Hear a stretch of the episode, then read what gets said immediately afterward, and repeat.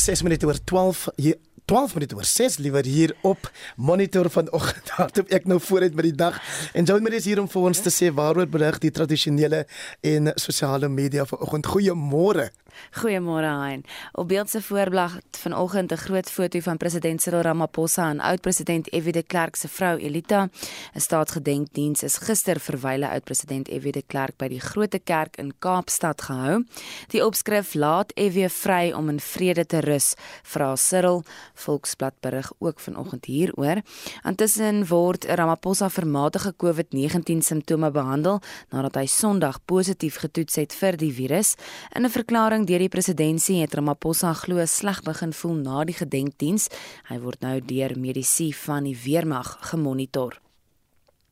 In ander COVID-19 verwante nuus het die mededingingskommissie 'n ooreenkoms met twee van die groot private patologiegroepe, Ampath en Lancet bereik om die pryse van polimeer kettingreaksietoetse, oftewel PCR-toetse vir die virus te verlaag. Die toetse sal van nou af nie meer as R500 kos nie. Die burgerberig vanoggend maksimum vreugde vir Verstappen. Max Verstappen is gister in Abu Dhabi as die nuwe Formule 1 wêreldkampioen gekroon. Op sosiale media is World Champion Formula 1 en Verstappen van Twitter se gewildste onderwerpe vanoggend. Nog 'n gewilde onderwerp op sosiale media is die hitsmerk Miss Universe. India se Harnaz Sandhu is gister in Israel as mevrou wêreld gekroon. Suid-Afrika se Lalela Mswane beklee die derde plek. En in ander nuus sê die minister van basiese onderwys Angie Motshekga aangedui dat die departement binnekort wysigings aan die skolewet in die parlement ter tafel sal lê. Dit sluit in dat ouers wie nie hulle kinders skool toe stuur nie tot 'n jaar tronkstraf kan kry. 'n Ander voorgestelde wysiging is dat alle kinders vanaf graad R verplig sal wees om met skool te begin. En dan John Marie met vanoggend se nuusoorseig. Nou indien jy wonder waar Anita en Udo vanoggend is, Anita is met verlof en Udo sal donderdag weer in die stoel wees. Ek staan tot dan vir hulle in. President Cyril Ramaphosa het Suid-Afrikaners gevra om die laaste president van die apartheidsera, oud-president F.W. de Klerk, in vrede te laat rus. Ramaphosa het gister 'n gedenkrede gelewer by de Klerk se staatsgedenkdiens in die Grote Kerk in Kaapstad. De Klerk wat in November in die ouderdom van 85 aan kanker dood is, is in dieselfde maand in 'n private diens begrawe. Mitsi van der Merwe het meer besonderhede. Ramaphosa het gepraat oor die rol wat de Klerk gespeel het om die apartheid-era af te sluit, asook die samestelling van die grondwet. Many wondered why do we want to have a memorial at the state level for FW de Klerk? And we said we will have it because he is one person who played an important role in the evolution of our new democracy, whether we like it or not. FW de Klerk was born of the African soil. And it is to the African soil that he has now returned. I'd like to call upon all of us, whether we agreed with him or not, to now release him so that he can be at peace. Thank you. Hy is na sy toespraak ter ere van de Klerk 'n staande toejuiging gegee. Ramaphosa het gesê hoewel die onregverdige stelsel van apartheid nie vergeet mag word nie, moet daar nou aanbeweeg word. We can neither ignore nor must we seek to dismiss the anger and the pain and the disappointment of those who recall the place F.W. de Klerk occupied in the hierarchy of an oppressive state. We must never forget the injustices of the past.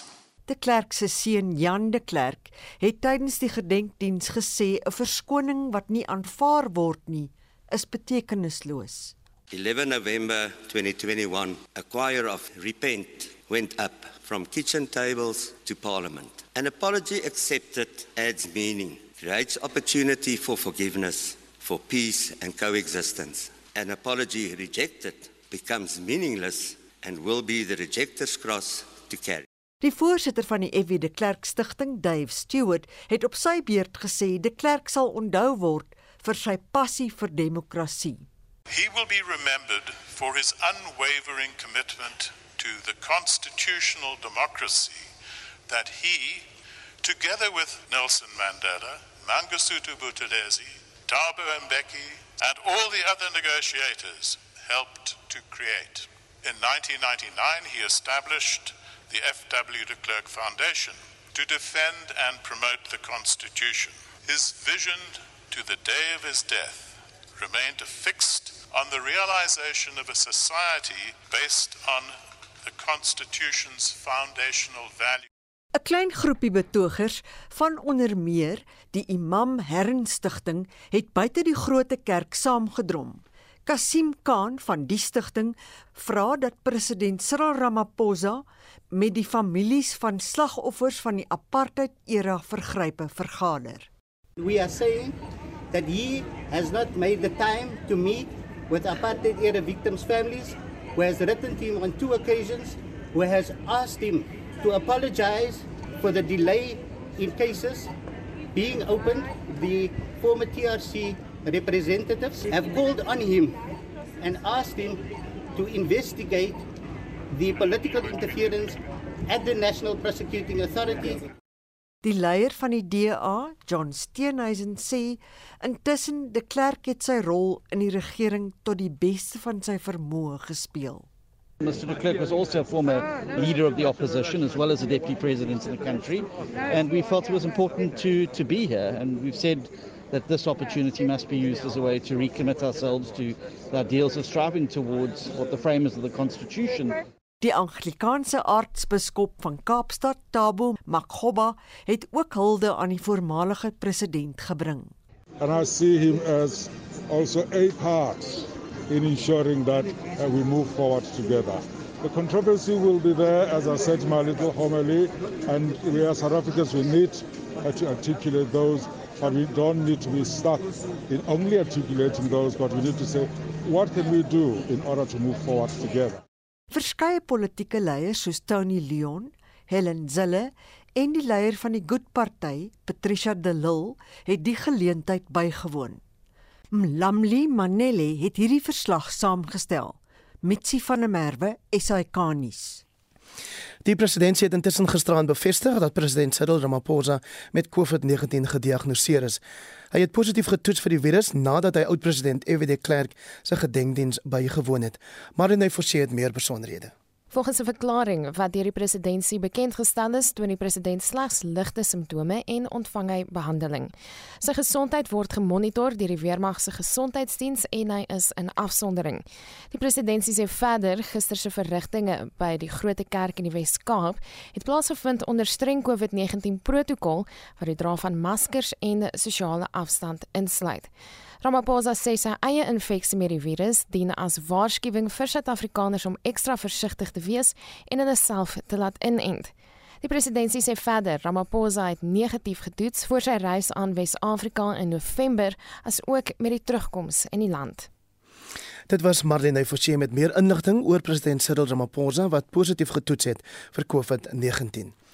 Nou byna 21 minute oor 6 hier op Monitor. Later in die program praat ons oor 'n skerp toename in gevalle van hondsdolheid onder mense hier in Suid-Afrika. Nou volgens die Nasionale Instituut vir Oordraagbare Siektes is 17 mense sedert 23 November met hondsdolheid gediagnoseer. Wat verder kommerwek is dat 'n 100% stygings sedert 2020 aangemeld is. Hondsdolheid kan natuurlik dodelik wees as dit nie vinnig behandel word nie. Ons wil vanoggend by jou weet of jy al teen hondsdolheid ingeënt is. Indien nie, sal jy dit oorweeg en hoeveel weet jy van die siekte? Jy kan vir ons 'n SMS stuur na 45889 teen 150 elk of jy praat saam op die Monitor en Spectrum Facebook bladsy. Anders kan jy vir ons 'n WhatsApp stemnota stuur na 076 536 6961. Dis 076 5366961. Die Gautengse Departement van Gesondheid sê daar was vanjaar reeds 41 aanvalle op gesondheidspersoneel in die provinsie.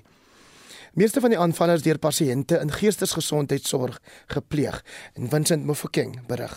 Die departementele woordvoerder, Kwarake Kana, sê die aanvalle het in 10 fasiliteite regoor die provinsie plaasgevind. Verskeie maatreëls is in plek gestel om aanvalle op hospitaalpersoneel deur geestelike gesondheidspasiënte te verminder.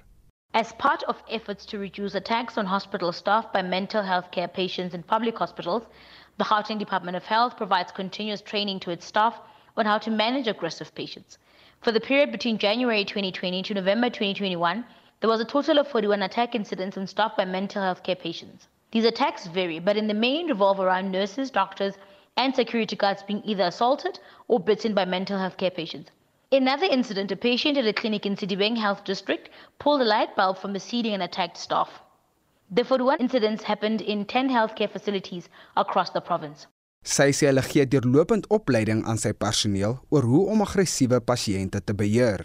Various measures have been put in place to reduce attacks on staff, including sedating mental health care patients at casualty on arrival at a facility when necessary. In other instances, mental health care patients are admitted to 72 hour observation units immediately. Doctors and nurses accompany each other in attending to mental health care patients. In addition, the department has placed security personnel at casualty departments to assist with psychiatric patients. The department has reported all the cases as injury on duty and referred them to Employee Assistance Program for further management. Intussen het die departement nuwe ambulanses in gebruik geneem as deel van hul feesseisoen gereedheidsprogram. Kwara sê hierdie ambulanses sal regoor die provinsie ontplooi word. The Gauteng Emergency Medical Services on Wednesday, the 8th of December 2021, launched 220 newly acquired ambulance fleet as part of the festive season readiness program. These ambulances will be deployed across the province during the festive period, a time which is marked by a high demand for emergency medical service. This new fleet will also be used to respond to the COVID 19 fourth wave. The new fleet is made up of ambulances in various categories, including 200 intermediate life support and 20 intensive care unit ambulances. The recapitalization of EMS fleet has been extended until 2023. This is in line with the ever growing population of Gauteng and will enable Gauteng EMS to adequately respond to emergencies. Intussen is meer as 160 nooddienspersoneel gewerf wat basiese lewensondersteuning intermediêre lewensondersteuning en gevorderde lewensondersteuning insluit. The new EMS fleet will ensure that districts are better resourced as part of ongoing efforts to improve overall service delivery, increase operational efficiencies, streamlining of services, and creating a seamless emergency medical service in Gauteng. Over the past three months, Gauteng EMS has increased its staff complement, with over 160 EMS personnel recruited in various categories, including basic life support, intermediate life support, and advanced life support. These new recruits are spread across the Ekurhuleni and Johannesburg districts. These are the two districts which are most busiest in the province. The MEC for Health in Gauteng reiterated that we need to work with the public closely so that we stop attacks on ambulances and on EMS staff. Furthermore, she reminded that as we enter the festive season period, we call on people to be careful on the roads, not to drink and drive, and take breaks if traveling long distances. We are still in the midst of a COVID 19 pandemic. We urge the public to continue adhering to non pharmaceutical interventions. Dit was Kwarake Kana, die Gautengse Departement van Gesondheid se woordvoerder. Ek is Vincent Mufokeng vir SAI Garnis. Die passasiersspooragentskap van Suid-Afrika, oftewel PRASA se langafstand passasierstrein, die Shosholoza Mail, sal vanaf die 15de Desember weer in diens wees. Joan Marie Verhoef het die besonderhede. In 'n verklaring sê Prasa dat die treindiens swaar verkeer tydens die feestyd kan verlig. Prasa se nasionale woordvoerder, Andiswa Makanda, sê lae-inkomste huishoudings sal beslis hierby baat. We are resuming the Shosholoza mail come next week, 15th of December. We are definitely taking advantage of the holiday season and the festive rush. We want to make this long distance train service available for low income commuters, which comes at a very great benefit given these economic conditions in our country. So we are offering the service at very competitive prices. Makanda sê die diens bied 'n alternatiewe, veilige en bekostigbare manier om lang afstande te reis, maar waarsku dat daar 'n beperkte aantal plekke beskikbaar is.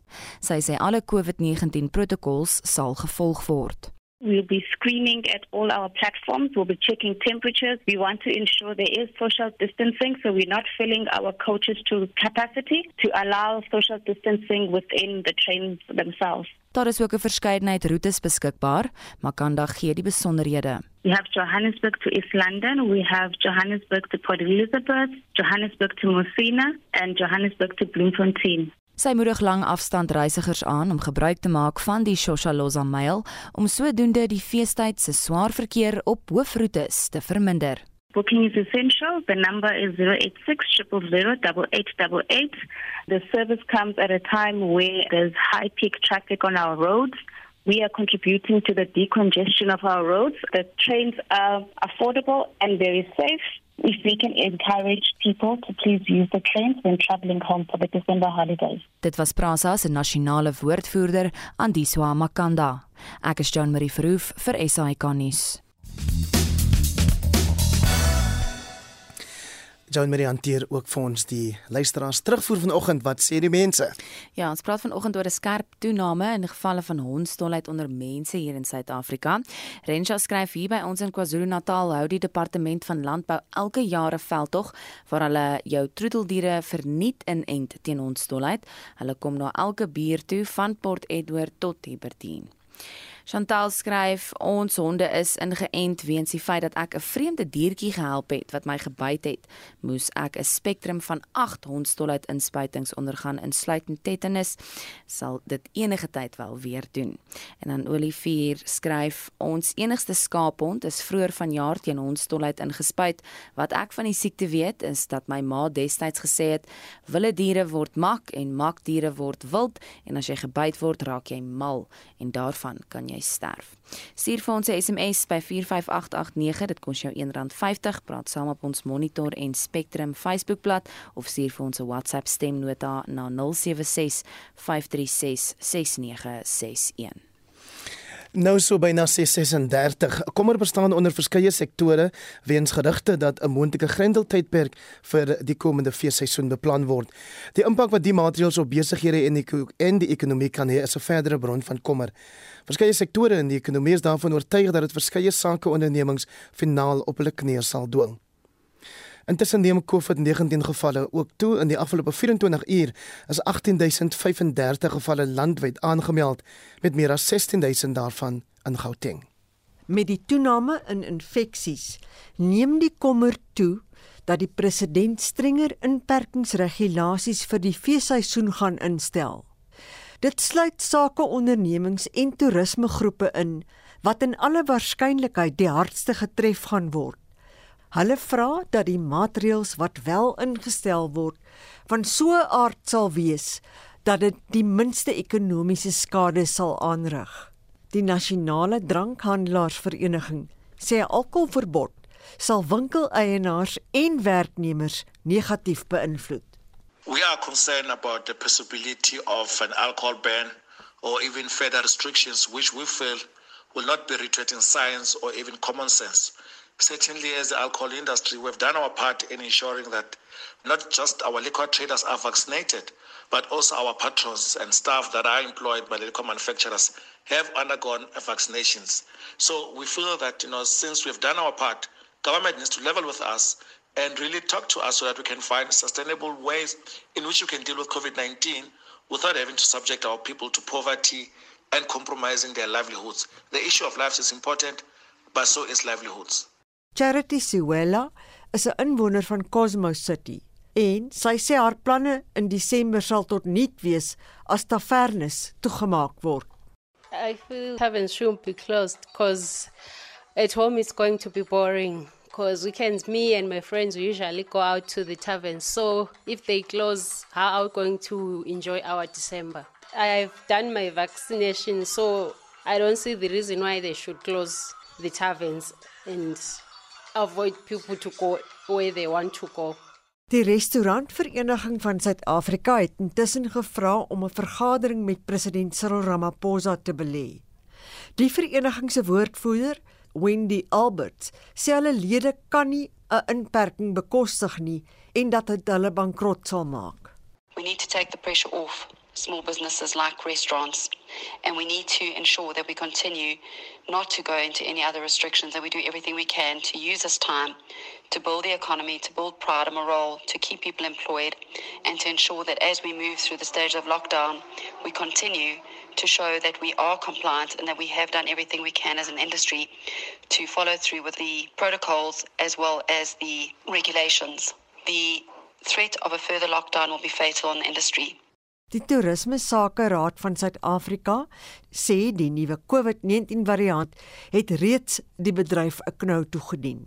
Dit volg nadat verskeie lande in Europa, Asië en die Midde-Ooste reise na en van lande verbied het.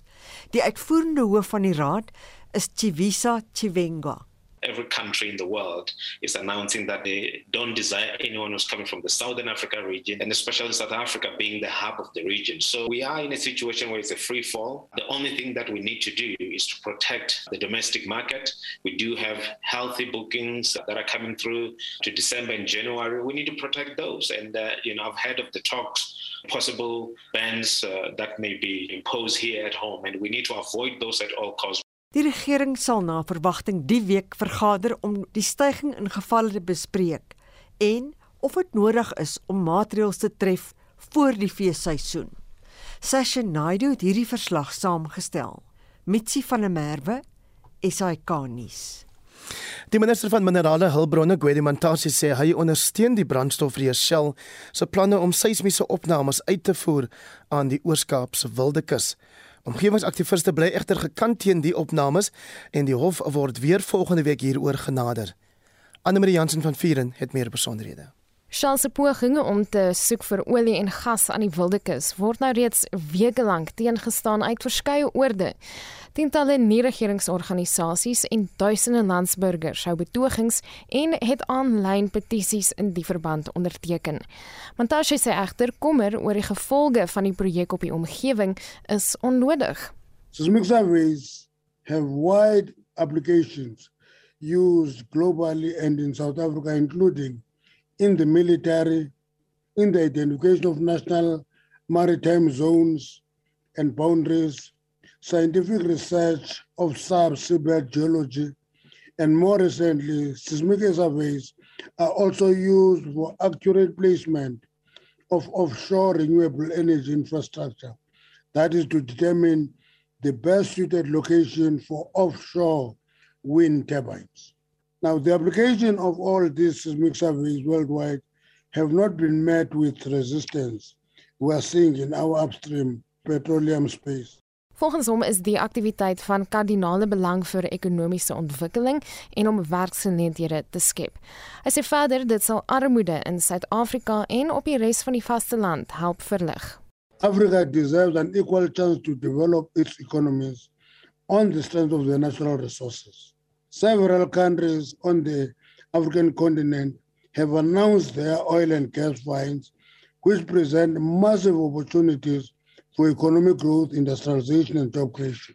As these developments unfold, we have noted with interest the pushback and objections from environmental lobby groups against the development of these resources. And we're making this point in view of the increase in unemployment, it's now standing at 34.9%. And we're unlikely to reverse that unless we unleash development. Mantashe doen boonop 'n beroep op diegene wat die seismiese opnames teenstaan om 'n kopskuif te maak en die projek te laat voortgaan.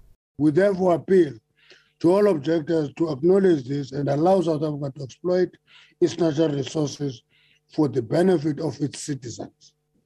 Investors in South African upstream petroleum space are assured of our commitment to work with them within the confines of the law to ensure that exploitation of these resources is done in an environmentally friendly manner and benefit of all South Africans. Die Oos-Kaapse regering ondersteun ook die projek en hou vol dat dit die lewens van arm gemeenskappe in die omgewing sal verbeter. Die verslag deur Mbongeni Mutwa Marlene Forsie is ikonies. 643 Ek wil antwoorde op my vrae hê is die credo van Dr Annelie Botha. Sy is 'n reerkenner en akademikus verbonde aan die Universiteit van die Vrystaat se departement politieke studies en regeringskunde. Botha word beskou as een van die streek se voorste kundiges oor terreur. Haar boek Terrorism in Kenya and Uganda is tekenend van haar aanslag om sake vanuit 'n sielkundige hoek te benader. Sy het vroeër aan Anita vertel hoe sy eerstehands kennis gemaak het met terroriste wat vanuit die tronk hul stories met haar gedeel het. Anita het dit begin met 'n gesprek met 'n vrou in Algerië in 2003.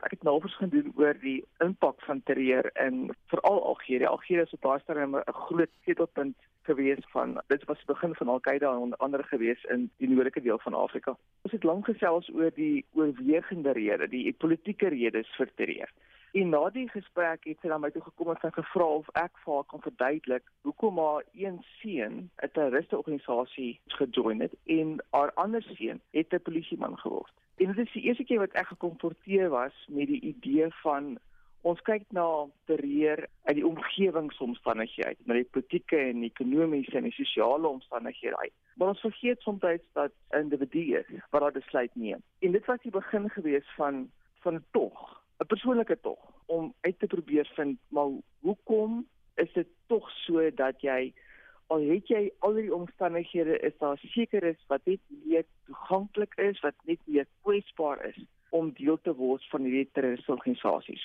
Hoekom? Dit was die begin. En toe Annelie? Daai sy was op by die was dit nog in die polisie gewees in 2003 en 2003 uit die polisie uit en dit is toe by die ISS baie navorsing gedoen en toe op 'n stadium toe begin het my akademiese navorsing. Het ek gaan rondtoer in Kenia en Uganda waarin ek 375 mense geïnterview het wat die LRA Inside Lords Resistance Army, IDF en ook natuurlik Al-Shabaab in Kenia en in, in Uganda en met hierdie onderhoude het ek afgekom op ehm um, Mahmoud Mogisa. Mahmoud Mogisa was veronderstel gewees om die derde Soos-bomber te wees in die Kampala aanval in 2010. En hy was tot daai stadium nog in die tronk gewees en ons het so begin gesels oor te ondervra het oor die redes, sy agtergrond, sy geskiedenis, sy storie. So het ons vriende geword. Hy is intussen is hy vrygelaat vir baie jaar terug en ehm um, hy is nou getroud met 'n kind gelukkig getroud,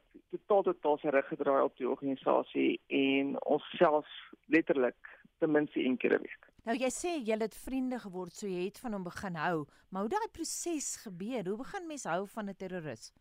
Mens vergeet soms dat 'n terroris is net ook net 'n mens. Um en sy storie is seker een van die mees tragiese stories wat ek gehoor het in die redes hoekom mense organisasies by betrokke raak. Hy het 'n intense behoefte om te hoor sy persoonlike geskiedenis is sy ma en sy pa het hom uit totaal uitgeskryf. Hy het by ouma gaan bly. Hy is regtig vir geboelie as kind. En toe gebeur die genocide in Rwanda. Hy kom van Rwanda af. Hy het regtig vir die gesin waar hy toe daai sy hy was hy was 'n Christen gewees. Die gesin wat hom toe ingeneem het was 'n moslim. Weereens toe genaamd nie 'n geval van mense sê nou almal wat in 'n sekere geloof behoort is terroriste nie, maar ongelukkig was hierdie persoon wel geradikaliseer geweest. En Mugisa het met hierdie innerlike stryd gesit van sy eie mense was verantwoordelik geweest vir hierdie ongelooflike genocide. Hier word hy ingeneem deur iemand wat hom aanvaar. Hoekom? Ongelukkig was dit die begin geweest van sy tog na Al-Shabaab. Uh hy is van daar op sy sy Somalië toe en van Somalië af is hy Suid-Afrika toe vir 2 jaar en toe is hy teruggestuur na om die aanval wel te loods. En hy is gearresteer op die grens tussen Uganda en Kenia. Nou Ugisa is is regtig een van die 'n warm mens.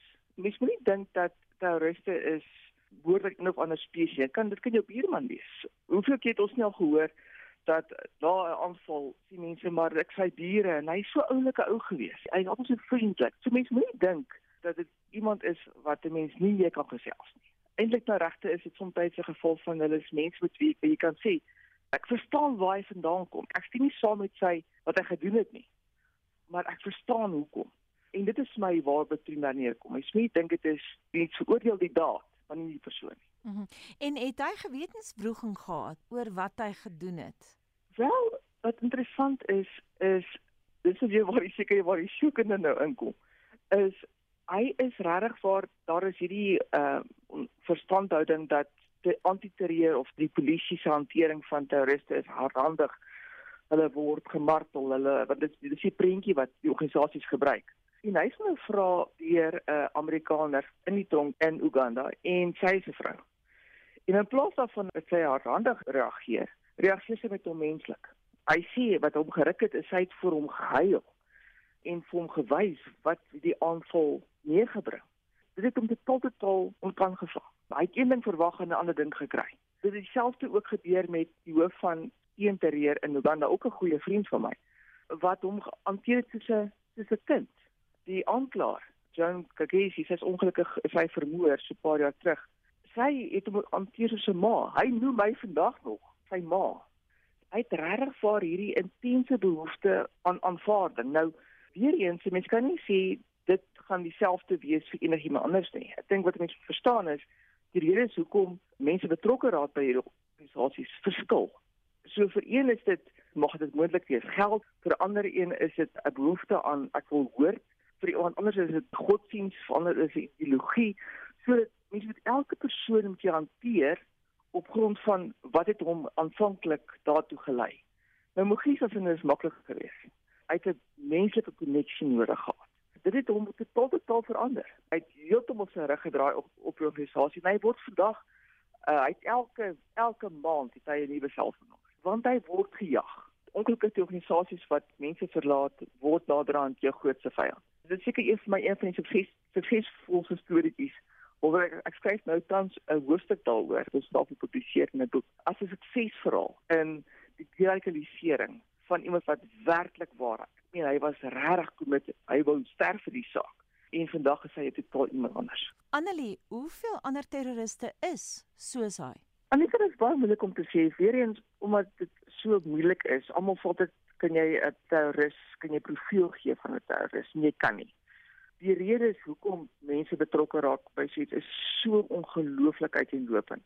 Dit is 'n kombinasie van faktore. Die beste manier is om werklik daai vraag te antwoord is te sê kyk dan die organisasie self. Ek sê as ek as ek regtig waar nou 'n wille raai skoot moet vat, sou ek sê so so 20% is ouens wat regtig waar 'n behoefte het aan hoort, aan regtig hoort. Die ander is 'n gevolg van daar is so sê finansiële redes wat 'n groot rol speel. Uh, so gee hom 'n beter werk, gee hom 'n beter vooruitkou in die lewe en hy sal nie betrokke wees nie. Ehm um, ander is is regtig waar verskriklik uh committed. Ek wil terugkom na my vraag toe oor Mogisa.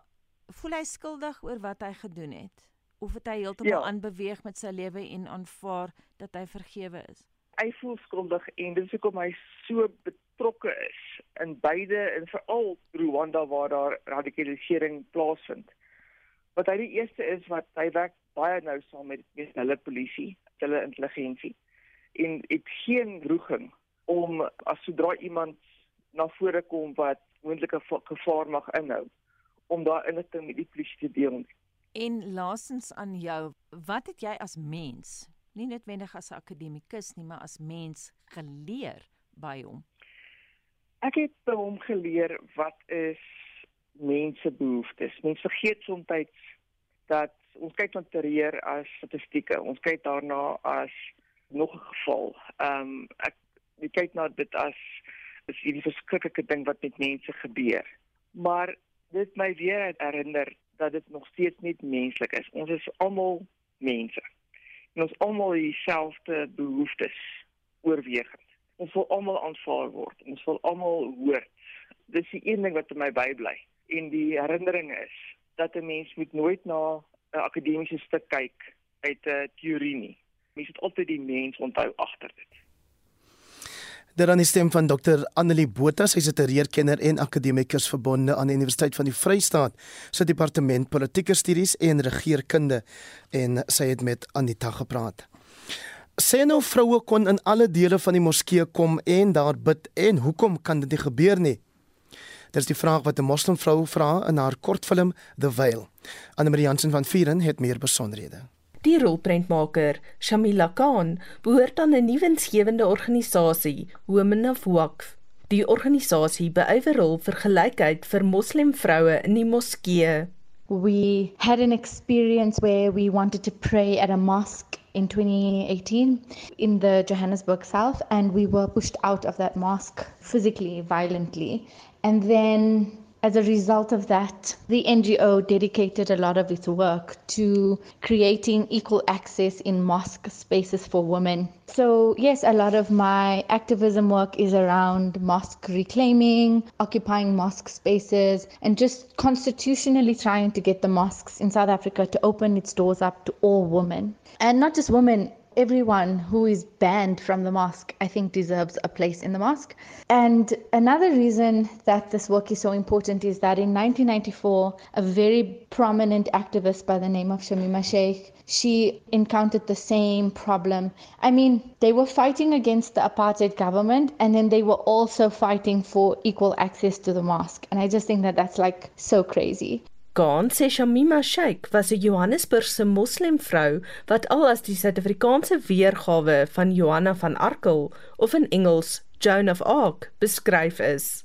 Shamima Sheikh and some other women marched to the mosque and tried to get equal access. And actually, the mosque that they were striking at, they actually did get access to. And now, that is the same mosque I have filmed my film in. Gaan het nie 'n dokumentêr gemaak nie, maar sy sê die werklikheid het tog haar fliek geïnspireer.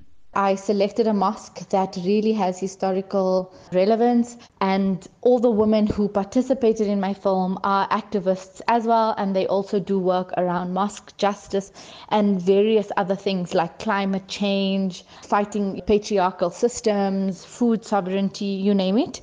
And then I also wanted to have my protagonist be a real pregnant woman. So the story in my film is set in an imaginary solidarity space. Basically, the women gather in the mosque on a stormy night when all the men have fallen into a deep sleep and they prepare rituals for this woman in labor for the birth of her daughter, who is actually the narrator. And by the end of the film, I ask the audience to rethink the narrative in that I suggest that actually this narrative might be a dream or not real because mosques won't allow women in. Volgens haar is die boodskap van die rolprent dat vroue baie kan bereik as hulle as gemeenskap saam staan. Maar sy sê dat die sogenaamde nuwe realiteit wat deur COVID geskep is, sake bemoeilik. Daarom vra sy verskeie vrae aan haar gehoor. Being separated for so long, what does it mean going forward, you know, opening up the doors of prayer to community members who want to be in those spaces? Gaan sê sy het spesifiek haar kortfilm gemaak op so 'n manier dat dit maklik via selfone versprei kan word. It was made for platforms like YouTube, Instagram. It's a five minute film that is quick, it's punchy, and it just hits the message open up the mosque. That's what I wanted with it. The challenge was definitely making a film of this nature in fiction and not doing a five minute documentary, for example, because I am a documentary filmmaker. But I decided I definitely wanted to put an audience into a poetic narrative, and I just wanted it to be an escapist fictional film that has a strong message about solidarity.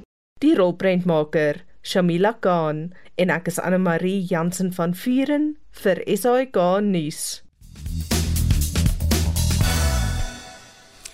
Join Marie wat sê die mense? Ja, so ons praat vanoggend oor 'n skerp toename in gevalle van hondstolheid onder mense in Suid-Afrika. En ons wil vanoggend by jou weet of jy al teen hondstolheid ingeënt is. Indien nie, sal jy dit oorweeg en hoeveel weet jy van die siekte? Kom ons hoor wat deel julle op die WhatsApp lyn. Al wat ek weet van hondstolheid is dat dit 'n hoogs gevaarlike siekte is en 'n verskriklike pynlike dood uh, glo tot gevolg het. Daar is absoluut geen bewusmakingsveld tog van hierdie siekte onder die bevolking nie. Uh, jy weet nie waar om te gaan nie, hoe om te maak nie. So kan ek aanhou. Ehm um, ja, dit lyk my dit word maar aanvaar dit is gevaarlik en dodelik en dit is waar dit begin en dis waar dit eindig. Goeiemôre, Geer, dis JP en Vryheid. Nee, 1975 en 76 het ek diensplig gedoen operasioneel aan die grens en daar het ons 'n meerkat gevang en die meerkat maak gemaak. Ongelukkig het die meerkat ons dolheid gehad en hy het een van ons troepe gebyt. En die hele seksie is uh afgestuur Waterkloof lughawe toe waar ons dan uh, opgeneem was in die ou militêre hospitaal, een militêre hospitaal, maar ongelukkig een van die troepe verloor. Dis 'n dodelike siekte sodra jy hom het as jy nie onmiddellike behandeling ontvang. Ek sal enigiemand aanbeveel om te laat in teen ons dolheid. Op Facebook skryf Mani: "Ja, my honde word altyd ingespuit en 'n mens moet kyk na jou diere dat hulle gesond is. Mense is oor die diere aangestel om na hulle om te sien." En dan Annika wat skryf: "My diere word jaarliks ingeënt teen hondstolheid. Ek het al te veel gehoor van diere wat daaraan doodgaan en dat dit nie 'n mooi prentjie is nie. Ek hoop die spuite ent my diere met die hulp van my buurvrou. Sy sê ek koop die spuite en ent hulle dan met die hulp van my buurvrou. Daar sy. Stuur vir ons 'n SMS na 45889. Dit kos jou R1.50. Jy kan ook saam praat op ons Monitor en Spectrum Facebookblad en dan kan jy 'n WhatsApp stemnota stuur. Die nommer daar is 076 536 6961. En net so teen kwart oor 7 vanoggend praat ons met met dokter Jackie Weyer. Sy is 'n kenner in oordraagbare siektes. So kom ons dan by 7 uur.